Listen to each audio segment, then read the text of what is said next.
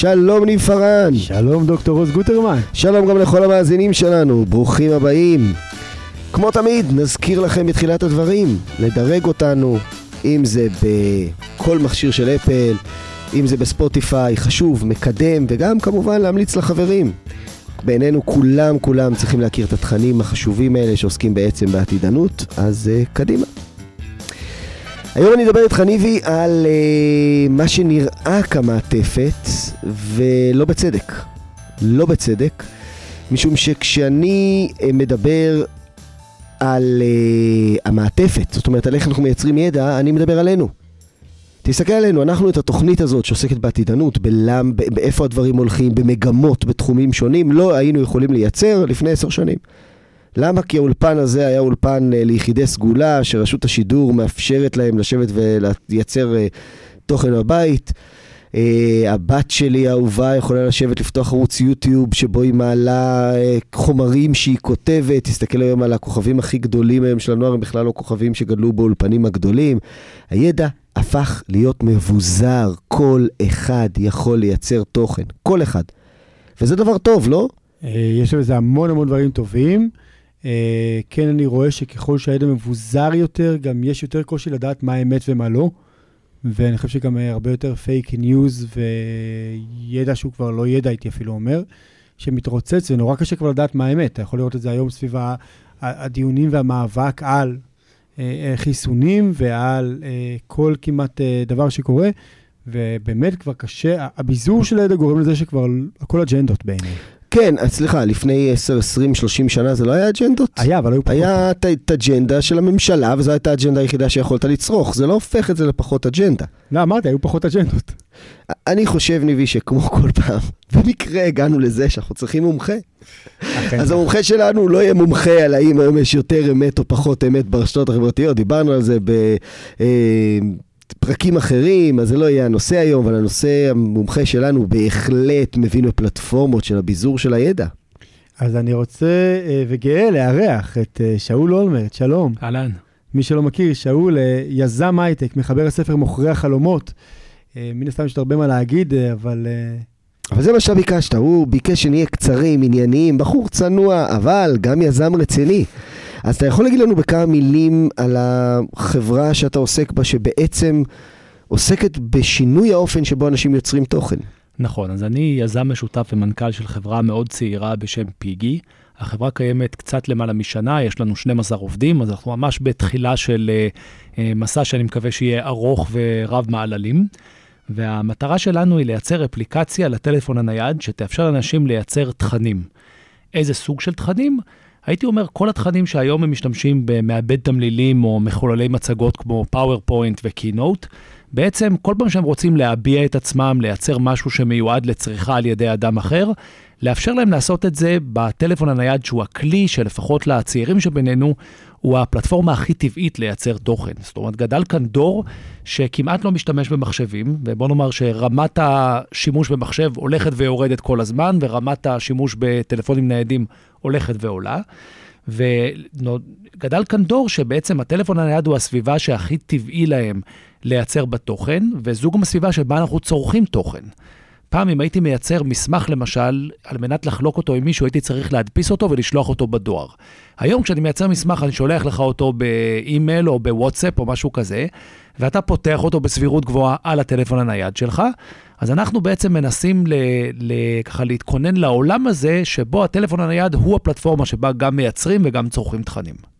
שזה בעצם אה, שינוי משמעותי, זאת אומרת, למה לא להשתמש בפאורפוינט? פאורפוינט יש גם גרסה שעוסקת בזה ב...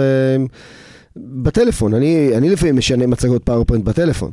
אולי משנה, אבל אה, א', אם תנסה לייצר באמת אה, בטלפון הנייד בעזרת פלטפורמות כמו פאורפוינט או מייקרוסופט וורד, תראה שהן לא נועדו לזה. אם נורא רוצים, אפשר לאנוס אותן לזה, אבל זה כמו, אתה יודע, לפני כמה שבועות ראיתי שמישהו מעביר דירה בעזרת אה, מכונית משפחתית קטנה, לא הייתה לו משאית, אז הוא השתמש במכונית משפחתית קטנה, והעביר איתה מקרר.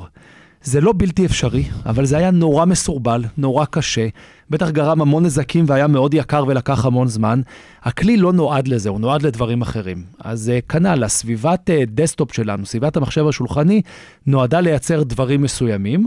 וכשאנחנו רוצים לייצר את, אותם, את אותו סוג של דברים בטלפון נייד, זה יוצא הרבה פחות טוב. עכשיו, אני אגיד למאזינים שלנו, כי שאול אה, כל כך צנוע, שזה לא המיזם הראשון שלו, ושהוא עוסק בעולם הזה של יצירת תוכן כבר הרבה מאוד שנים, הוא ממש מומחה בתחום הזה.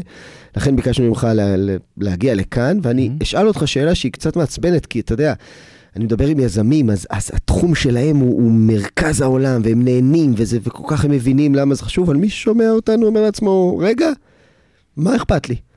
אז יהיה קצת יותר נוח לערוך מצגות, במקום לעשות אותם ב- ב- לפתוח על המחשב, אני אוכל לפתוח בנייד, אוקיי. בוא נגיד את האמת, big deal. אז שמע, אני חושב שדווקא המאזינות והמאזינים שלנו, אה, יהיה להם קל מאוד להיזכר בפעם האחרונה שבה הם היו צריכים לעבוד על מסמך. או להביע את עצמם, זה יכול להיות לכתוב מכתב למישהו, זה יכול להיות אה, לכתוב סיפור, זה יכול להיות uh, לייצר מצגת, זה יכול להיות לתקשר עם אנשים שעובדים איתם, או לספר מה החברה שלהם עושה, או לכתוב עבודה לבית ספר או לאוניברסיטה. אז כולנו כל הזמן מתקשרים. אז כשאתה שואל למה אכפת לנו, אכפת לנו כי תקשורת בכל סביבה שבה אנחנו uh, נמצאים עם בני אדם אחרים, תקשורת היא, היא המפתח, היא הבסיס להתנהלות שלנו בעולם, וכולנו מתקשרים חלק גדול מהיום. עכשיו, הטכנולוגיה שהומצאה בעשורים האחרונים היא כזו שהופכת את התקשורת למשהו שנמצא איתנו בכל מקום שאנחנו הולכים אליו. אנשים אפילו, אפילו לבית השימוש הם הולכים עם הטלפון הנייד, נכון? זה נמצא איתם ממש כל זמן הערות שלהם. הם נורא מתקשים, אפילו כשאתה רואה אנשים יושבים בקולנוע, תוך כדי הסרט הם חייבים רגע אחד לבדוק מה העניינים, והם קיבלו הודעה, הם גם לא יתאפקו להשיב אליה. כן, גם היום יש טלפונים אפילו... מיוחדים שמיועדים לזה שיקחו אותם לאמבטיה. כן. אז uh, בעצם הטכנולוגיה הזאת באה לתת מענה לצורך שלנו לתקשר ולהביע את עצמנו, בדיוק, זו המטרה. אתם יודעים ששליש מהישראלים נכנסים לטלפון בשתי דקות אחרי סקס? וואלה. הוא רוצה לשנות סטטוס מסופק. אתה רומז ששליש מהישראלים עושים סקס? שזה כבר יומרנות, שזה כבר יומרנות. לא, בפעם בשנה. אבל אני אגיד, שבסופו של דבר יש משפט צרפתי שאומר התוכן הוא... המדיה יהיה מסר. המדיה יהיה מסר, או, תודה. נכון. מזל שאתה כאן. אני אגיד, השינוי הזה, כמו שהתחלנו להגיד בתחילת הדרך, הוא, הוא שינוי שהוא הרבה יותר אקוטי משינוי של אה, עכשיו נעשה מצגת שהיא טיפה יותר יפה. הרי בסוף, כל מה שאנחנו עושים כל היום, זה להעביר מסרים. נכון, לתקשר. אני, אני יושב עכשיו מולך, אני מעביר מסר. אם אתה מחזק לי את היכולת להעביר מסר, באותו רגע אתה הגברת אותי. אני מסכים, אתה אה, ציטטת פה את האמירה המפורסמת של אה, מרשל מקלואין, המדיום הוא המסר. יש גם את האסכולה ההפוכה נגיד, שאומרת שהתוכן הוא המלך, והמציאות כרגיל היא איזשהו הייבריד אה, של שני הדברים, וזה מאוד תלוי בנסיבות. אבל אני חושב שזה נוגע בזה שמדובר, השאלה כאן לא רק באיזה פלטפורמה אנחנו מייצרים את התוכן, אלא גם איך התוכן נראה וממה הוא מורכב וממה הוא עשוי. ונורא מעניין לראות שיש קשרי גומלין שהשניים האלה כל הזמן משפיעים אחד על השני. כי תחשבו על מחשבים, הרי הטלפון הנייד הוא בעצם איזה נגזרת מודרנית של המחשב. הוא מחשב רק יותר קטן, ושלא צריך להתחבר לקיר, ויכול גם לתקשר עם רשתות נתונים באופן אלחוטי, אבל הוא מחשב, אפילו מחשב רב עוצמה. המחשבים שאני גדלתי איתם בתור ילד היו הרבה, אה, לא רק היו ענקיים, היכולות שלהם והעוצמה שלהם הייתה מזערית לעומת הדבר הזה שיש לנו היום בכיס. והדבר הזה מאוד משפיע על האופן שבו אנחנו מתקשרים. אמרנו שאנחנו פיתחנו איזה מין אה, חוסר סבלנות כזה, אנחנו תזזיתיים, אנחנו קצת מכורים, הייתי אומר, צריכים כל הזמן לתקשר, כל הזמן לראות מה קורה. אגב, ובאת... הישראלי ממוצע, נכון ממש למחקר שיצא ממש עכשיו, אה, ארבע וחצי שעות ביום. מול המסך הזה. כן, אז אני לא יודע, אני מכיר נתונים אפילו יותר מחמירים, לאו דווקא כלפי ישראלים. אבל uh, כלפי בני נוער. זאת אומרת, הדור הצעיר נמצא אולי מספר כפול של שעות ביום עם הטלפון הנייד. רגע, זה מרתק. אתה מדבר על זה שנער ממוצע נמצא תשע שעות ביום מול הנייד. כן, משהו כמו שמונה שעות ביום, כשחלק וואו. ניכר מזה בשימוש ברשתות חברתיות. זאת אומרת, הזמן שאנחנו נמצאים באינסטגרם, טיק טוק, טוויטר, פייסבוק, כל אחד והרעל שהוא בוחר לעצמו, שם ישמור. אה, הוא יותר גבוה מהזמן שאנחנו ישנים, יותר גבוה מהזמן שאנחנו אוכלים, בטח יותר גבוה מהזמן שאנחנו קוראים ספרים, מדברים עם חברים ועוד כל מיני דברים אחרים שחשבנו עד לפני לא מעט שנים לבסיסים של הקיום שלנו, נכון? לגמרי, זה נשמע כאילו נתון מופרך, אני חייב להגיד. אני סומך עליך כמובן, אני אומר, כן. זה נתון מטורף. אז אה, אני שוב חושב שהמאזינות והמאזינים שלנו, בטח הצעירים שבהם, או אלו שהורים לילדים צעירים, או עובדים אה, ונמצאים בחברת אה, חבר'ה יותר צעירים, מכירים את זה היטב. ואני אומר, המכשיר הזה באמת התחיל לספק הרבה מאוד מהצרכים שלנו, ויש אה, ויכוח על האם העובדה שהוא מחליף פעולות שאנחנו עושים בעולם האמיתי, היא טובה לנו כבני אדם או לא, אבל אה, זו שאלה ערכית, וכמובן שכל אחד אה, זכאי לדעתו בעניין הזה. אבל אני חוזר רגע לשאלה התיאורטית שהעלית, על באמת המדיום לעומת התוכן עצמו, גם התוכן השתנה. פעם היינו מביעים את עצמנו בצורה מאוד מילולית, בצורה מאוד ארוכה. אם נסתכל למשל על ידיעות אה, אה, חדשותיות, היינו צורכים כתבות בעיתונים שהיו כתבות ארוכות, היו כתבות מושקעות. העיתון היה יוצא פעם ביום, היה מספיק זמן להיערך ו- וככה להכין כתבה יותר עמוקה, יותר רצינית. היום כלי התקשורת מתחרים ביניהם מי הוציא את ה-push notification לפני השני, אז הם אפילו לא טורחים לתקן שגיאות אה, הקלדה מטורף. ו- או לבדוק מטורף. את המידע. כל פעם כשאני מוציא איזה כתבה בכלכליסט או בגלובס או משהו כזה, פעם הם דרשו פחות מ-800 מילים. אחר כך הם דרשו פחות מ-500 מילים. היום כבר מדברים איתך בחלק מהמקומות ואומרים לך, תקשיב, זה ארוך מדי, זה 450 מילה, תצמצם ל-350 מילה. אתה יודע, אתה לא נוגע, ב. אתה נוגע בלב הבעיה. אתה יודע מה משך השהייה הממוצע של צרכן היום, של כל אחד מאיתנו, בעמוד חדשות שהוא צורך דרך הטלפון הנייד שלו? זאת אומרת, באיזושהי ידיעה, לאו דווקא חדשות. כל כתבה שיהיה על ספורט, על תרבות, זמן הממוצע השהייה, תחזיקו חזק, הוא נמוך מ-15 שניות. זאת אומרת שהרוב המכריע של האנשים, לא, אבל כי זה הממוצע נראה לי. אז תחשוב על זה שהממוצע, יש כאלה שבכל זאת קוראים קצת, זה אומר שהרוב המכריע לא, נמצאים זה- הרבה זה- פחות מ-15 שניות. בדיוק. אם אם הממוצע, אם... המ- לא, אני מסביר, אני אסביר, אולי לא הבנתי מה- מה הנתון אומר. בוא, אני חושב על עצמי פשוט. כן. בסדר? אני עובר על ידיעות, קורא כותרות, כותרות, כותרות. כותרות, כותרות שאני כבר נכנס פנימה, אני קורא. אז זהו, אז רוב האנשים, מה שקורה, הם נכנסים פנימה, רואים את הכותרת, תמונה, ככה גוללים שנייה, אה, העין מנסה לצוד איזה נתון או שניים, ועוברים לדבר הבא. בדרך כלל, שימו לב שגם האופן שבו פעם היינו מפנים זמן לצריכת מדיה, זאת אומרת, הייתי ככה בא הביתה, אה, יושב עם העיתון, פותח אותו, העיתון היה גדול, היה צריך להחזיק אותו בשתי ידיים, אה, ואז הוא היה גם מסתיר את כולי, אף אחד לא יכל לתקשר איתי בזמן שאני קורא עיתון, הייתי אומר, לא להעביר לי שיחות, אני עכשיו עסוק, אני קורא עיתון, הייתי מפנה לזה זמן. Uh, היום זה לא ככה, היום אני מציץ תוך כדי שאני נוהג, אני פוזל לשנייה אחת לטלפון וגם uh, גולל לראות מה קורה ואולי גם uh, מסמס. זאת אומרת, התקשורת שלנו מוצאת אותנו בתוך היום-יום שלנו ומנסה ככה להתגנב דרך הסדקים. אין לנו את הזמן ואת התשומת לב להקדיש אליה. ולכן גם אנחנו רואים מסרים הרבה יותר אה, בוטים, הרבה יותר ויזואליים, הרבה יותר ככה. סנסציונים. נכון, אין את המקום להעמקה.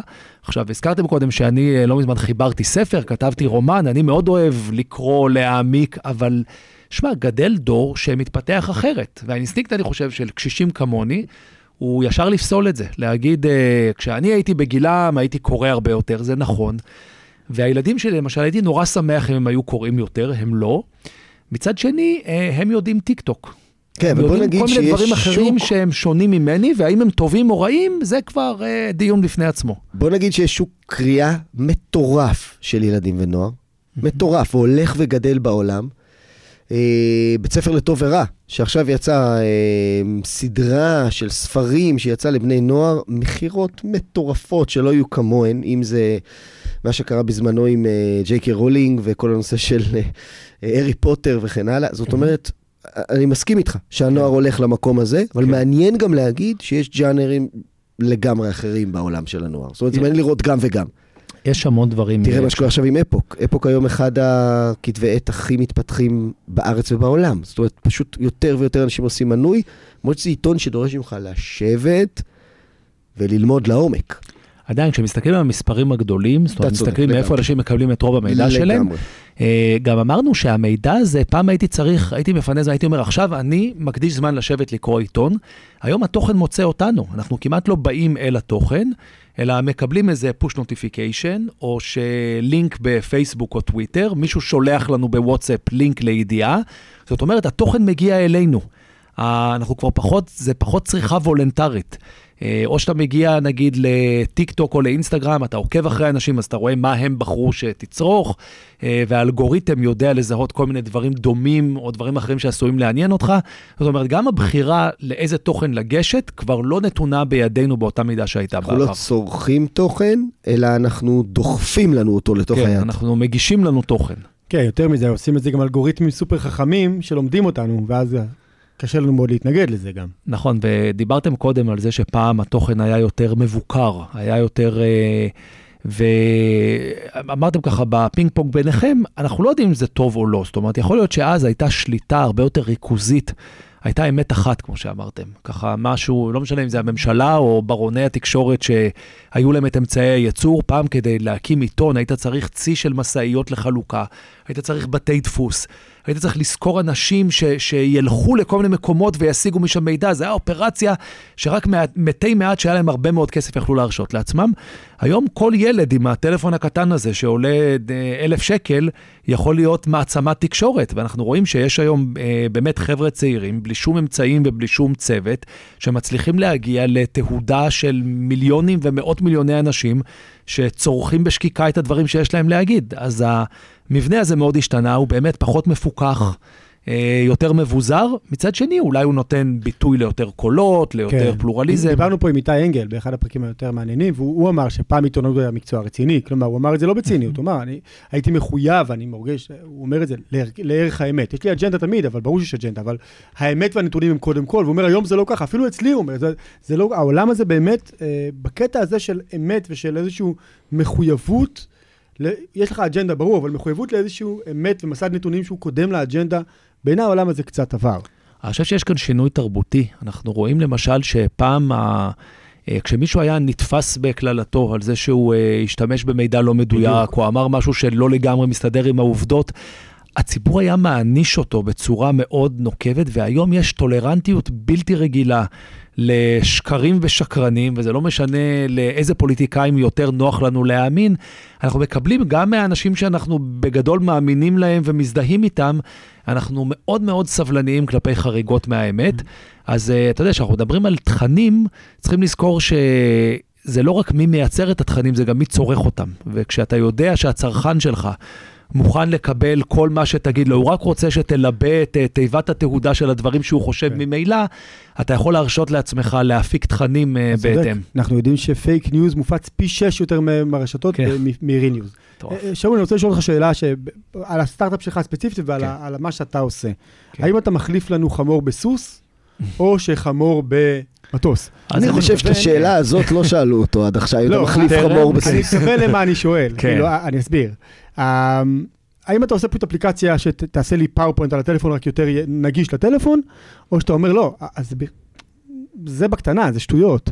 בוא, בוא נשנה את איך שבונים מצגת בכלל, אולי, אולי אני אקריא, אקריא בכלל מחשבות, ומשהו, אה, AI, לא יודע, מה שאתה תבנה, יבנה לי מצגת. ממש ככה. החברה הוקמה, חברת פיגי הוקמה, כשיום אחד אה, בתי, שהיום היא בת 18, אז היא הייתה בת 16, אה, באה אליי והראתה לי סרטון טיק טוק שחברה שלה מארצות הברית עשתה, היא אמרה לי, תראה, אוליביה שחררה איזה סרטון של 25 שניות לטיק טוק, והיו לו 17 מיליון צפיות. אז הסתכלתי לראות במה מדובר, והסרטון הזה, זה היה 25 שניות של יצירת מופת, שאוליביה נתבקשה בתחילת אה, ימי הקורונה על ידי המורה שלה, לכתוב חיבור על איך זה להיות בבידוד, או איך זה להיות בסגר.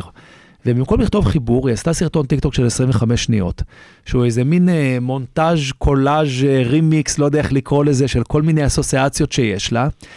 וזה סרט נפלא, הוא מביע כזה מנעד רחב של רגשות. אני כל פעם שאני מרצה ואני מציג את אה, חברת פיגי, אני מקרין את הסרטון הזה ואני מבקש מאנשים שצופים בו, אה, אני שואל אותם, מה לדעתם, איך לדעתם אוליביה חוותה את הבידוד? ויש להם כל כך הרבה מה להשיב, הם מדברים על... אה, הבדידות שלה, על הניכור, על הגעגועים, על מה חסר לה, על איך, אה, על התחושה הזאת של העייפות. זאת אומרת, הם קיבלו הרבה מאוד מסרים מהדבר הזה, למרות שלא הייתה בו... ב-25 שניות, בלי שהייתה בו אף מילה של טקסט, רק באמצעים אה, יצירתיים שהטלפון הנייד מאפשר לה לעשות. ואז אני אמרתי, וואלה, אוליביה הזאת היא בעצם נציגה של דור שרגיל לבטא את עצמו בצורה אחרת. עכשיו, אני לא חושב שהם אה, אה, לא צריכים לקרוא ספרים או לכתוב חיבורים, אבל בטח אפשר לגוון ולאזן, ולהגיד בוא מדי פעם ניתן להם גם להביע את עצמם בצורה שטבעית להם. אני חושב שאם אוליביה הייתה כותבת חיבור, הוא לא היה יוצא מבריק באותה מידה.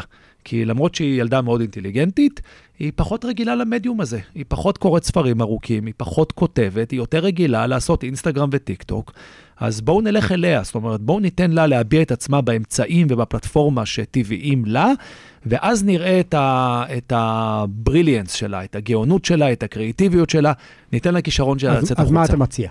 אז אנחנו מאפשרים לייצר תכנים בעצם בפורמט מולטימדיה שמאוד דומה לסנאפצ'אט story או אינסטגרם story, אה, וגם לטיק טוק ודברים אחרים.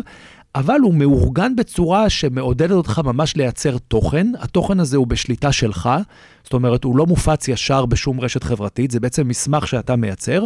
אתה יכול לחלוק אותו באופן מיידי דרך כל רשת חברתית, אתה יכול לשלוח אותו בוואטסאפ רק למישהו אחד. אם זה עבודה לבית ספר, אתה יכול ישר להגיש אותה למורה. אם זה משהו אישי שלך, יומן אישי שלך, אתה יכול לכתוב את היומן האישי והוא יהיה לעיניך בלבד ואף אחד אחר לעולם לא יראה אותו. אז אנחנו בעצם מאפשרים לקחת את השפה הזאת שילדים וצעירים, ואתה יודע, זה מתחיל מילדים וצעירים, אבל בסוף זה מחלחל, הרי היום כולנו מתרגלים לצרוך תכנים בפורמט הזה, אה, מאפשר לך לעשות מזה מה שנכון לך. זה לא נעלם אחרי 24 שעות, זה לא זמין ישר לשניים וחצי מיליארד איש שאתה לא מכיר ולא בדיוק יודע מי רואה את התוכן הזה ומה הוא מסיק ממנו וכל השאר. אה, אנחנו בעצם מנסים להשתמש בשפה הזו, בכלי הביטוי הזה, כדי לייצר תכנים שהם יותר אישיים, יותר אה, רציניים אולי, יותר עמוקים. הם לא מיועדים ישר ל... לשיגור ולצבירת לייקים. כשאתה עושה היום מצגת למשקיעים שלך, mm-hmm. אתה עושה בכלי הזה? אה, לא, כי זה לא כלי שמיועד דווקא למצגות עסקיות, אבל הרבה פעמים אנחנו עושים למשל עדכונים למשקיעים, אה, עדכונים בתוך החברה. אה, אפילו כל מיני אה, אה, ככה הייתי אומר טיזרים, מה שנקרא one pager, זה לא מצגת מלאה, אבל איזושהי מצגת, נגיד התחלה, אם אני רוצה, אם אני יוזם קשר עם איזשהו גורם עסקי, אני אומר, לפני שאני שולח לו מצגת, שבינינו זה גם תיק לפתוח מצגת, נכון? צריך לשבת ליד המחשב, לפתוח את זה עד שזה עולה, להתחיל לראות. אני שולח לו משהו שישר, הוא לוחץ על לינק בוואטסאפ או באימייל, זה נפתח לו על הטלפון הנייד, והוא מאוד בקלות רואה את זה, זה מאוד ויזואלי, זה מאוד אינטראקטיבי, ומספיק כדי שהוא יגיד, אה, אתה יודע מה? בוא שלח לי מצגת ועכשיו אני, יש לי מוטיבציה להסתכל, או בוא נקבע שיחה, בוא נקבע פגישה, כי מעניין אותי לשמוע יותר. אז אם, אם אני מבין נכון, זה לא באמת מחליף מה שנקרא PowerPoint ודומיו, אלא זה, זה פשוט באמת אמצעי תקשורת חדש. המטרה היא שזה יאפשר לך להביע את עצמך בצורה שטבעית לך, ואם עד היום כשהיית רוצה לייצר תוכן כדי לתקשר עם אנשים אחרים, יכול להיות בלוג פוסט, יכול להיות מצגת, יכול להיות עבודה לבית ספר, יכול להיות המון המון דברים, היית משתמש בסט מסוים של כלים. היום אנחנו רוצים לתת לך כלי אחד שיאפשר לך לעשות את כולם, אה, ושזה יהיה דרך הטלפון הנייד שלך ובצורה וסוג תוכן שיותר מתאים לאיך שאנשים רגילים להביע את עצמם ולתקשר היום. בוא נגיד מילה לגבי כל הכלים האלה שיש היום להעברה של תכנים, להעברה של מסרים. ואני אספר ברמה האישית שלי. כשאני mm-hmm. התחלתי, אני, כשעובד כבר, לא יודע, 20 שנה עם ארגונים, מנהלים, אז אנחנו עושים הרצאות כל הזמן לארגונים. אני גם מרצה באקדמיה. וכשהתחילו כל הכלים האלה של היצירת תוכן המעניינים, המרתקים שיש היום, אם זה ברמה הכי פשוטה, קנווה, ואם זה אנחנו mm-hmm. משתמשים במצגת של פרזי, אם אתה מכיר. כן. וכשהתחילו הכלים האלה, זה כל כך לא עניין אותי. כי אמרתי לעצמי, מה אכפת לי? אני בא להעביר מסר, אני כאילו בא להעביר מסר ניהולית, להביא את המחקרים הכי חדשים, את הכלים הכי מעניינים, מה אכפת לי? אתה מהר מאוד מבין שאם אתה לא יודע להעביר את המסר בכלים הרלוונטיים, אתה לא רלוונטי. כן. ואני יכול להגיד לך שהיום בקבוצה שלנו של אה, אנשי המחר, יש לנו קבוצה שעוסקת בהתפתחות אישית, בצמיחה, במה הכלים הכי חמים שנמצאים היום. אין מה לעשות, גם אם אני אביא את המחקר הכי טוב, הכי ישים בעולם, אם אני לא אשים שם את התמונה המתאימה, ולא יהיה לי את העיצוב הנכון, אז במקום שיקראו את זה 6,000 איש, יקראו את זה 1,500 איש. זאת אומרת, זה המסר. גם היום כשאני מעביר לסגל שלי, או לעובדים שלי בחברה, כשאני מעביר להם דברים, אני יודע שהם כל כך מוצפים ב- ב- בחומר. אז אם יש לי כלי פשוט, כמו שאתה מתאר, שאני יכול להכניס מאוד במהירות משהו מאוד פשוט, פשוט מדהים לראות את ההבדל בעוצמה של זה. אני אומר את זה כי, כן. כי חשוב, אתה יודע, אנחנו תמיד אומרים, מטרה שלנו בפודקאסט זה לייצר ערך לאנשים. זאת אומרת שהם יבינו לאיפה העולם הולך. ולאיפה שהעולם הולך, זה שיש כל כך הרבה מסרים, כל כך הרבה תכנים שנכנסים, שאם אתה לא יודע לדבר את השפה, אתה לא רלוונטי. וגם אם אתה אומר תוכן שהוא מדהים, אבל אתה לא יודע לתת לו את, ה, את המסר, את הקונטקסט הרלוונטי, זה כבר לא, אין לזה שום משמעות. אמרת את זה הרבה יותר טוב ממני, אני מסכים, חותם על כל מילה, ורק אוסיף שאם למשל אני הייתי מתבקש לתאר את החוויה שבלבוא ולשוחח איתכם היום, איתכם עם המאזינים, הייתי מתחיל מאיזה פסקה כללית שאומרת, אה, אוקיי, אה, יש אה, פודקאסט נהדר שעוסק בכך וכך, והוזמנתי להתראיין שם, ואז חקרתי קצת והקשבתי לתוכניות קודמות. הייתי מספר איזה סיפור, בטח היו בו לא מעט מילים. אם הבת שלי, למשל, שהיא מייצגת את הדור הצעיר יותר, הדור החדש, הייתה מתבקשת לתאר את החוויה, היא בטח הייתה מעלה תמונה של שלושתנו יושבים כאן עם המיקרופונים, שמה איזה בנר מהבהב כזה, שאומר, אנשי המחר, אה, עם חץ אה, באנימציה אליי, שאומר, אבא שלי חמוד, תקשיבו, הנה הלינק. ובעצם כשאתה חושב על זה, היא סיפרה פחות או יותר את אותו הסיפור. ובעצם זה היה כנראה יותר אפקטיבי נכון. ומגיע ליותר אנשים. נכון, שוב, אמרנו, זה צריך להתאים את עצמו לקהל היעד, וקהל היעד אין לו כוח אולי לשמוע את כל הסיפור שלי ואת כל התהליך שעברתי, הוא רוצה לקבל ישר את התמונה, ככה לחתוך ישר לדבר שמעניין, אז צריך לתקשר עם קהל היעד בשפה שלו. נכון, ואם אנחנו מבינים כמה זה חשוב, אז בוא תגיד לי, כשאני מסתכל חמש, עשר שנים קדימה, איזה היום החברות, הארגונים שלדעתך מובילים את הפריצת דרך הבאה? זאת אומרת, מי מבחינתך, אתה אומר לי, עוז, היום זה חוד החנית של מה שאתה תראה בעוד חמש, בעוד עשר שנים מהיום. אז אנחנו נמצאים בדיוק בשחר של עידן חדש ומאוד uh, מרתק ומסעיר, שנקרא Creators Economy, כלכלת היוצרים. בעצם האינטרנט היום מורכב פחות ופחות, או בוא נאמר, יש איזשהו איזון בין גופי מדיה גדולים, מוסדיים, ארגונים, לבין אינדיבידואלים, אנשים שפשוט פותחים חשבון בטיקטוק, או כותבים בלוג, או פעילים בטוויטר, וכותבים, ואנשים מתחילים להקשיב להם, כי הם אוהבים את התכנים האלה, והם אוהבים את נקודת המבט ואת הדרך שבה אותם אנשים מגישים את זה. ההבדל הוא שהאנשים האלה עדיין פועלים מתוך פלטפורמות, מתוך יוטיוב, מתוך טיק טוק, מתוך טוויטר, מתוך פלטפורמות שנמצאות בשליטה של חברות ציבוריות אה, קפיטליסטיות שמרוויחות את כספן מפרסום, ולכן האופן שבו הן מנתבות את כל המידע הזה שזורם דרכן, בעצם מיועד לאו דווקא להעשיר ידע, אלא רק להגביר צריכה. וגם צריך להגיד חברות שלפעמים ממש יוצרות נזק חברתי. יש, אה, אתה יודע, תזמין אותי פעם נוספת לדבר רק על זה, זה נושא שמאוד אה, קרוב לליבי. כמי שעוסק בזה, אני מאוד ער ומאוד מודאג מההשלכות החברתיות שיש לגופים האלה בהרבה מאוד אה, ממש. רבדים. אנשים גם לא מכירים. נגיד, אף אחד לא מבין שאמזון היא אחד הגופים היום שמסייע ומקדם דיקטטורות בעולם. אנשים לא מכירים את זה. בוא נתחיל אפילו ממשהו שיותר קל ככה, ל... יותר קרוב ויותר קל לשזור חוט ככה, קשר ישיר בינו לבין המציאות. אה, על פניו האינטרנט הוא הבטחה שכל אחד יכול לפתוח חנות ולמכור את מרכולתו, אה, ובעצם הטכנולוגיה זמינה לו והוא יכול להיות עצמאי. אבל בפועל, אנשים היום לא מחפשים מוצרים לרכישה באינטרנט, הם מחפשים אותם באמזון. ולכן נכון. אמזון הפכה להיות האגרגטור שמציע גם את ה... גם יש לו את האודיאנס, האנשים מגיעים אליו, גם יש לו את כל האמצעים לאופטימיזציה, להמלצות, לכל ה-facilitation, זאת אומרת, האחסון והשינוע והתמיכה, השירות לקוחות. תשתית כל כך רחבה שעסק קטן לא יכול להתחרות בה, ולכן רוב העסקים הקטנים עובדים דרך אמזון. ואמזון מנצל את זה. זאת אומרת, כשיש מוצר שהולך טוב לאחת החברות, אז הוא מתחיל לייצר אותו לייצר בעצמו. לייצר אותו בעצמו, נכון. מוריד אותם מהפרסום, ובעצם נכנס במקומה, מחליף אותם. היה רגע מכונן שבו אמזון, שהתחילה בתור חנות לספרים בלבד, רכשה את uh, רשת החנויות בורדרס, שהייתה רשת החנויות השנייה בגודלה בארצות הברית למכירת ספרים. וברגע שאמזון אה, קנו, הם בעצם עשו, כאילו הלכו אחורה, זה כמו שהיום נראה שטסלה רוכשת את כל העגלות עם סוסות או משהו כזה, אבל הם בעצם הלכו אחורה והפכו להיות הבעלים של התשתית הזו. אה, וכן, לגמרי השתלטו על השוק, ומונופוליזם וריכוזיות, אנחנו יודעים, זה לא טוב לצרכן, זה טוב רק לבעלי המניות של אמזון, שזה בכל זאת... זה גם לא טוב לדמוקרטיה. כן. היום אמזון, בגלל שהיא רוצה להתפתח לדוגמה בסין, אז את כל הספרים שהם נגד סין, את כל הספרים שהם בעייתיים מבחינת המשטר הסיני, הם הורידו. לקהל בסין. לא, לקהל במערב. זאת אומרת, באמת? היום אם אתה מקיש אה, אה, סין באמזון, או ספרים על סין, או משהו כזה, אה, אה, משהו כמו 30 קטגוריות הראשונות שאתה תקבל, זה ספרים שהם מטעם המפלגה הקומוניסטית הסינית. משהו כמו 40 קטגוריות הראשונות. והראשון שיופיע לך זה הספר שכתב נסיסין.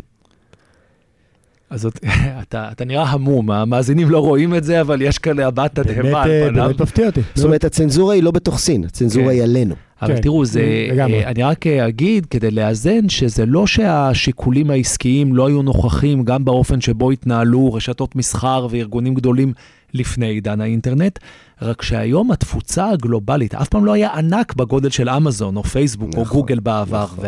ואותם דברים שאם... בסדר, פה ושם אולי אה, השלמנו עם זה שהעולם אינו מושלם וישנה שחיתות שלטונית ברמה זו או אחרת שמקדמת אינטרסים של מדינות או בעלי הון, ואנחנו יודעים איכשהו לבלוע את זה, כי מה לעשות, פתאום זה העולם לא נהיה מושלם. בגודל פתאום הגודל לא... הוא כזה, כן. שזה באמת אה, יכול להיות זה בעיה משנה מאוד גדולה. תודעה, ממש. אבל אתה של- אומר שאנחנו לפני שינוי, אם אני מבין אז נכון. אני חושב שעכשיו אנחנו רואים את ניצניו של שינוי, והשאלה הגדולה היא אם עוד פעם מה שיקרה, כפי שקרה, הרי האינטרנט בזמנו היה טריטוריה בלתי מנוהלת ומאוד מבוזרת, ולאט לאט הוא הופך להיות דה פקטו בשליטתן של מספר מצומצם של חברות. האם אותו דבר יקרה גם עם ה-Creators Economy? מה זה בעצם Creators Economy? זה סט של כלים ליצירה, הפצה ומסחור של תכנים שאנשים מייצרים בזכות עצמם. אז אם עד עכשיו, למשל, מי שיש לו ערוץ ביוטיוב יכול לעשות כסף רק דרך מנגנונים שיוטיוב או חברת האם שלהם, אה, אלפאבית, גוגל, מעמידה לרשותם, הרי שמתחיל להתפתח עידן שבו יש דמוקר... דמוקרטיזציה של הכלים האלה, ויכול להיות, החזון הוא שבאמת כל אחד יוכל לנהל עסק לגמרי משלו. אה, ויהיו לו את כל האמצעים גם לעשות מזה כסף וגם להשיג הפצה וגם לנהל את התקשורת עם הקהל שלו בצורה מאוד אה, ריכוזית בעצמו. כבר היום יש ניצנים לזה, אבל יש תחושה שהעולם הזה בפר- בפריחה גדולה ועל סף אה, התפוצצות. והשאלה היא באמת, האם עוד פעם נראה איזה, אחרי, ה, אחרי שבאה האנטיתזה הזאת, אם תהיה איזה סינתזה, ועוד פעם הארגונים הגדולים בכל זאת נראה ש-90% מהתעבורה והתשלומים עוברים דרכם, או שבאמת אנחנו עוברים לעולם הרבה יותר מבוזר, שיש בו הרבה פחות שליטה. ואם העולם הזה נשמע לכם גם קצת מפחיד, כי בכל זאת יש משהו בחוסר השליטה הזאת, דיברת קודם על מהימנות של מידע אה, ודברים אחרים, אה, יש גם תחזית אופטימית שאומרת שאולי הכלים הטכנולוגיים, כמו אה, בינה מלאכותית, ידעו לעזור להשליט סדר בעולם הזה דרך אמצעים של ניהול דאטה. למשל, אפשר יהיה להוכיח משפטית ששידור מסוים או תכנים מסוימים הובילו להסתה. או אה, הם מקושרים באחוזים גבוהים לאנשים שביצעו מעשים אלימים, ולכן אפשר ל, אה, להוכיח את אותו בעל תוכן על התכנים שהוא יצר. זאת אומרת, יכול להיות שהטכנולוגיה תסייע לעשות איזשהו אה, סדר בכאוס הזה.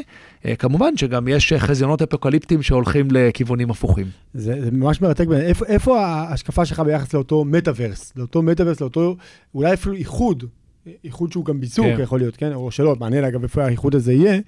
אה, ש, שפייסבוק הכריז עליו, אבל גם לא רק פייסבוק, נכון.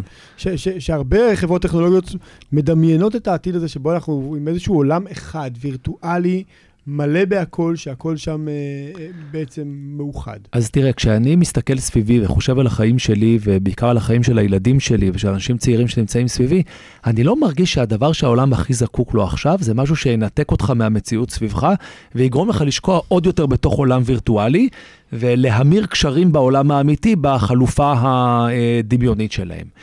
מצד שני, אני מודע לזה שכל אה, חדשנות תמיד נתקלת בחסמים של חשדנות מהסוג הזה. אתה יודע, כשהמציאו את המכונית הממונעת הראשונה, עלו דאגות אמיתיות לזיהום אוויר, לתאונות דרכים, למה יקרה לטבע כשפתאום יהיו כבישים בכל מקום, זה, זה היה נראה בלתי נתפס. גם מה יקרה לבעלי לזה. הכרכרות. אתם יודעים כן. שבמדינות הראשונות שהוציאו מכוניות, חוקקו חוק שלפני כל מכונית חייבים להיות שלושה רצים, אחד עם דגל, אחד עם משרוקית ועוד אחד עם פנס. אז כל מי שרצה שיהיה לו מכונית, העסיק שלושה אנשים שרצו לפני הרכב, ובכל צומת היו שורקים לפני שהמכונית עוברת. עכשיו, המדהים הוא שכל החזיונות, ה... כל הפחדים האלה שהועלו בזמנו, כולם מאוד מבוססים. אכן יש זיהום אוויר נורא, אכן אה, נוצר, אה, נוצרה פגיעה נוראית בטבע ובתוואי הטופוגרפי של החיים, אכן יש תאונות דרכים ו... ופגיעות אה, אה, אנושות. כל זה קיים, אבל א', לא למדנו אכפת. להתרגל לזה, וב', למדנו למצוא כל מיני פתרונות, או כל מיני אה, אה, ככה ליטושים לזה, ולחיות עם הדבר הזה. אז גם כאן, אני חושב שהחיזיון הזה שבו אנשים כמעט לא מתקשרים אחד עם השני, אלא דרך מסכים, הוא כבר לא נראה כל כך רחוק, הוא ככה צורם לנו כי גדלנו על סט ערכים אחר, אבל צריך לזכור שיכול להיות שהאנושות תלמד להתרגל לזה ולהפיק מזה את המירב, ולא תצטער על זה. אז מתי יגיע היום שבו אני אוכל ללכת לי על חוף הים, ופשוט לדבר לעצמי, ומשהו, משהו שמקשיב לי, יכין מצגת, או יכין משהו, יכין מה שאני אחליט, אולי זה יהיה סרטון, אולי זה יהיה, יהיה מילים, אולי זה יהיה מצגת, אני פשוט אדבר. אז תראה, הרבה מזה קורה. קודם כל, אחד השימושים הכי יפים בפיגי ספציפית, אבל זה לא משהו שאנחנו המצאנו, זה uh, speech to text. זאת אומרת, להגיד על המכשיר הזה, הטלפון היה, יש מקלדת מאוד קטנה, קשה להקליד טקסטים ארוכים. Mhm. אנחנו רואים שאנחנו כל הזמן, יש לנו שגיאות איות וזה כשאנחנו מנסים להקליד. אז אנחנו מעודדים אותך להקליט, והמערכת uh, הופכת את זה לטקסט, ואז יותר קל לערוך טקסט גם. בעברית או שזה יהיה קודם כל באנגלית? קודם כל באנגלית, אבל לאט לאט זה מחלחל גם לשפות אחרות. ויש עם זה כל מיני בעיות, ויש לזה כל מיני מגרעות, אבל שוב, תמיד טכנולוגיה חדשה, יש לה קצת חסמים, צריך ככה להיות אה, מחויבים לחזון ולהאמין שלאורך זמן הדברים ייפתרו. אה, וגם ראינו למשל שיש אה, קושי גדול בלעבור בין אפליקציות. על מחשב זה יותר קל. למשל, אם אתה עורך מסמך ואתה רוצה להביא תמונה מהאינטרנט, אז במחשב זה די קל ככה ללחוץ על טאב או עם העכבר לעבור לטאב אחר. בטלפון נייד זה יותר מעיק. אז מצאנו כל מיני פתרונות שהן מביאות את המדיה שלך ישר לתוך האפליקציה, שלא תצטרך לעבור. זאת אומרת, אנחנו הולכים בכיוון הזה שאתה אני מתאר לא יכול. פשוט להגיד לטלפון, תביא לי תמונה, אז אה, או הנה, גם... תציע לי תמונות של סוס. מעולה, אז גם, תמונות של- אז יותר מזה, כשאתה כותב בפיגי, תוך כדי שאתה כותב, אנחנו יכולים להציע לך שברגע שאתה תחפש תמונה, אנחנו כבר נציע לך תמונות שהן בסבירות גבוהה רלוונטיות לתוכן שאתה מהמם. כותב עליו. ושוב, הטכנולוגיות האלה הן כולן בחיתוליהן, אבל לשם הדברים הולכים. אז האם, אתה יודע, ללכת על שפת הים ומסמך מייצר את עצמו, אני לא יודע, זו, זו נקודת קיצון, אנחנו עוד לא שם. אבל אני חושב שכן, הדברים נעשים יותר נגישים, יותר אוטומטיים, אנשים מצפים לזה, אנשים רוצים את זה. לזה. והאתגר שלנו הוא איך לעשות את זה בצורה שאנחנו מאמינים שהיא באמת טובה לאנשים. כי לפעמים גם אנשים רוצים, אה, אני לא יודע, אה, הרבה אלכוהול, או אנשים רוצים אה, לנהוג במהירות מטורפת או כל מיני דברים אחרים, והתפקיד שלנו הוא בכל זאת לשים לזה איזשהם סייגים, ולדעת לנתב את הרצונות האלה לאיזשהו מקום שהוא לא פוגע, לא באנשים ולא בסביבה שלהם. אז קח אותנו באמת, נגיד, 20-30 שנה מהיום. אנחנו נדבר איתך על עתיד כבר רחוק. זאת אומרת, זה אחרי שאתה כבר באפליקציה... בסטארט-אפ הבא. בסטארט-אפ ה-30 שלך, כן? בקצב שלך זה עוד 30 סטארט-אפים. קח. אותי לשם ותגיד לי, כשאנחנו מסתכלים על המקום הזה, איך אתה רואה את המקום של היצירה? הרי כבר עוד 30 שנה מה שניב ביקש זה בקטנה. אני חושב שכולנו יוצרים היום. אה, יש כאלה שממש עובדים בזה 24 שעות ביממה, יש כאלה שעושים את זה רק מדי פעם, אבל כולנו מייצרים תוכן, וזה לא היה ככה רק לפני 10 או 20 שנה. המחשבים היו נחלתם של אנשים שיודעים להפעיל אותם, שזה היה חלק מאוד מצומצם מהאוכלוסייה, וכל השאר ממש היה להם איזה פוביה שלא להתקרב לזה. היום כולם משתמשים במחשבים, כולם משתמשים בטלפון נייד, אה, וכולם מייצרים תוכן. ואני חושב שהם ייצרו יותר ויותר תוכן. אני חושב שהניהול של התוכן הוא, הוא אתגר גדול. כבר היום יש המון תוכן, אה, תראו, אנחנו מקליטים כאן שידור רדיו שהוא גם פודקאסט, אבל לאט לאט צריכת האודיו או יצירת האודיו באינטרנט עוברת מפודקאסטים יותר לסביבות כאלה כמו קלאב-האוס או טוויטר ספייסס, שההבדל ביניהן לבין פודקאסט הוא שהן אה, ברות חלוף, זאת אומרת, הן משודרות בזמן אמת, והן לא מוקלטות, הן חד פעמיות, זה קצת כמו סטוריז באינסטגרם, הם נמצאים 24 שעות ואחרי זה הם נעלמים. וכן, יש, אפשר לפעמים להקליט, לשמור, לעשות איזה ארכיון, אבל 90% מהתוכן זה לא קורה לו. זאת אומרת, אנשים התחילו לייצר תוכן בשביל החוויה של אותו רגע ופחות בשביל התיעוד. אה, וזה גם כן, אולי נשאלת השאלה, יכול להיות שיש כבר יותר מדי ארכיונים, יש יותר מדי תיעוד, לא צריך שכל אה, אה, הבל של אה, ד- שני חוקרים זבי חוטם אה, יתועד לעולמי עד, אבל אה, לכל הפחות זה, זה הבדל באופן שבו אנחנו מייצרים וצורכים תוכן. ממש. אני כאילו לא יכול לדמיין את זה. למה שאני ארצה להשקיע במשהו שהוא עוד 24 שעות נמחק לנצח? יש, אה, אתה יודע, כשגדלתי בירושלים, הייתה קבוצה של אומנים שנראו לי כמו חבורת מטורפים, והם כנראה באמת היו חבורת מטורפים, אבל היום אני רואה את זה מפרספקטיבה של אה, קשיש אה, בצורה אחרת, קראו להם קבוצת זיק. והם היו עושים אה, מיצגי ענק שהם היו עובדים עליהם שבועות או חודשים, והם היו מרהיבים ביופיים, הם היו בונים מבני ענק כאלה. אני זוכר פעם בגיא בן הינום בירושלים ככה, מתחת לחומות העיר העתיק, מתחת ל... אתה יודע, משכנם של הורדוס ודוד המלך וכל ההיסטוריה. אה, בנו שם איזה מיצג ענק כזה, ואז בערב חגיגי מעלים אותו באש. ובעצם mm. אמרו, זה לא, זה, זה, מה שמשנה זה התהליך, לא התוצר. אנחנו לא פה בשביל ליצור משהו שיישאר כמו חומת העיר העתיקה לשלושת אלפים שנה, אנחנו פה כדי לייצר משהו, ברגע שייצרנו אותו, אנחנו יכולים לעבור לייצר משהו חדש, זה כבר לא משנה.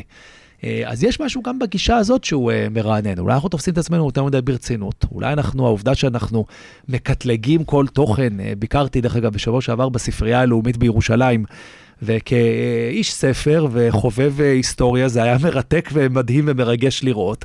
אבל עולה השאלה, אולי לא חייבים שיהיה תיעוד של כל דבר ואינדוקס של כל דבר, אפשר פשוט ל... שני עותקים מכל ספר. כן, נכון. זהו, בואו בוא נגיד למאזינים שבספרייה הלאומית בירושלים, כל סופר שמוציא ספר בישראל מחויב נכון. לשלוח שני עותקים לספרייה, וכל ספר שיצא בישראל מתועד בספרייה הלאומית. לא רק ספר, יש להם כמעט, יש להם ברושורים, עלונים, מה שקרה, פשקוולים, אוקיי? כרזות רחוב. אה, זה הזמנות מה... לבר מצוות, כל מיני דברים, זאת אומרת, הם מקטלגים כל דבר, כל פרינטד מטריאל. ואתה יודע מה הפוך מה לקטלג? המנדלה הטיבטית. זאת כן. אומרת שלוקחים ומציירים ומציירים ועושים את הציור הכל כך נפלא הזה, ואז פותחים את החלון והכל עף עם הרוח, כי כמו שאמרת, כן. העיקר זה היצירה. אגב, ברמה בריאותית, נפשית, אתה יודע, לא סתם, יש מחקרים שמראים שרשת חברתית יכולה לייצר דיכאון, והיא יכולה להפך, לסייע לנו נפשית, לחזק אותנו. מתי היא מחזק אותנו נפשית? אף שאנחנו באמת אה, נחשפים לתכנים חיוביים של בנייה עצמית, של כלים לצמיחה. ב', כשאנחנו בעצמנו יוצרים, כותבים, מגיבים. אני אומר לכל מי שמקשיב לנו, תגיבו, תהיו פעילים, זה ממש עניין של בריאות נפשית. למה? כי יצירה היא חלק מהאישיות האנושית. אני מאוד מתחבר. אני בעוונותיי, נוסף לעיסוק שלי בטכנולוגיה, גם כותב uh, סיפורים, ואפילו הוצאתי ספר אחד, מקווה להוציא עוד בעתיד. Uh, ותמיד כשמדברים איתי על זה, אני אומר, אתם יודעים, לפרסם ספר זה משהו אחד, אבל לכתוב אותו, זה כאילו שני תהליכים נפרדים. עכשיו, ברור שיש ביניהם המון קשרי גומלין, כי תוך זה שאתה כותב, אתה גם חושב על זה ש... רגע, מישהו יקרא את זה אחר כך, איך זה נשמע, איך... אבל... אני רגע כן מתפתה להתייחס אליהם במנותק, כי לפעמים יש, יש נגיד דברים שכתבתי שכנראה אף אחד לא יקרא אף פעם, ועדיין עברתי איתם שם איזה מסע שלם. זאת אומרת, היצירה היא בעצמה ערך נורא נורא חשוב. נכון. הפרסום, אתה יודע, גם כן, יש בו עניין של א', לקבל הכרה, ב', קצת לתקשר עם העולם, כן, לספר קצת מי אתה. כן, גם לייצר משהו אחריך, להשאיר נכון. משהו בר, בר קיימא בתוך הבר חלופיות שלנו. אבל, אה, אבל אתה יודע, אתה, אתה כל כך, כל כך צודק, שאול, בהקשר הזה שיש משהו ממש טיפולי בליצור. ובין אם זה ליצור תגובה, ובין אם זה ליצור פוסט, ובין אם זה ליצור, כמו שאמרת, ספר. אני אגיד לך ברמה האישית שלי, שהרציתי חמישה ספרים עיוניים, ועוד ספר אחד שהוא, אה, אחד בדרך, ועוד אחד שהוא אה, יותר סיפורת, ובספר של סיפורת זה ממש תהליך טיפולי שאתה עובר כשאתה כותב את הספר. כן. ככה גם אני חווה את זה, ואני חושב שלכולנו יש את הצורך הזה, כל אחד מאיתנו מבטא אותו בצורה אחרת.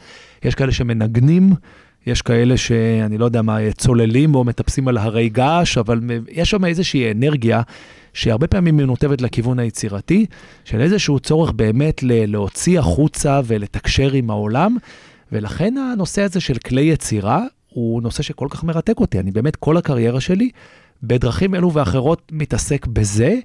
אה, עכשיו, לא קמתי אף פעם, אני לא זוכר אף פעם אה, את עצמי בגיל 14, מישהו אומר, אני אהיה טייס, אני שחקן כדורגל, ואני אומר, אה, אני אעשה כלי יצירה. אבל איפשהו, תמיד שהיה לי פרויקט, ותמיד שחלטתי מה לעשות עם עצמי, וזה, זה פשוט הוביל אותי לשם, כי הרגע הזה שאתה נותן למישהו כלי, ובעזרת הכלי הזה, הוא מייצר דברים, זה איזשהו קסם. תחשוב על מי שהמציא את ה... אני לא יודע, את הנוצה והכסת, או את עת הדיו, העיפרון, זאת אומרת, להמציא איזשהו כלי שבעזרתו אחרי זה כל כך הרבה אנשים מייצרים דברים, ומוציאים דברים החוצה, ומתקשרים, ומשאירים אחריהם דברים. זה וואו, אתם... אה, שאול. אני מקווה שהמאזינים שומעים את התרגשותי. אז אם הם לא שומעים, רואים את זה בעיניים. שאול, אני קודם כל אגיד לך תודה. א', תודה על הזמן המרתק, מרתק שהיה לנו איתך. ב', תודה שאתה מאפשר לנו לבטא את עצמנו ולשפר את בריאותנו הנפשית ואת חדוות חיינו. זכות לגמרי, גדולה. לגמרי. תודה, חברים. אני אגיד גם תודה לכל מי שלא כאן, לקובי קלר, בעלי האולפן. אני אגיד תודה לרבית בן יהודה על ההפקה וליאיר גוטרמן, אשר על העריכה. ואני אגיד לכולכם, תודה שאתם חלק מהיצירה שלנו. שיהיה לכם מחר נפלא. להתראות לכולם.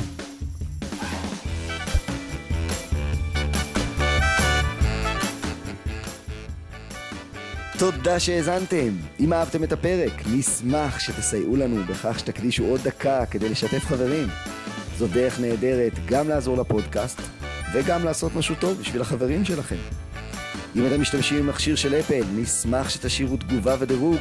שיהיה לכם מחר נפלא.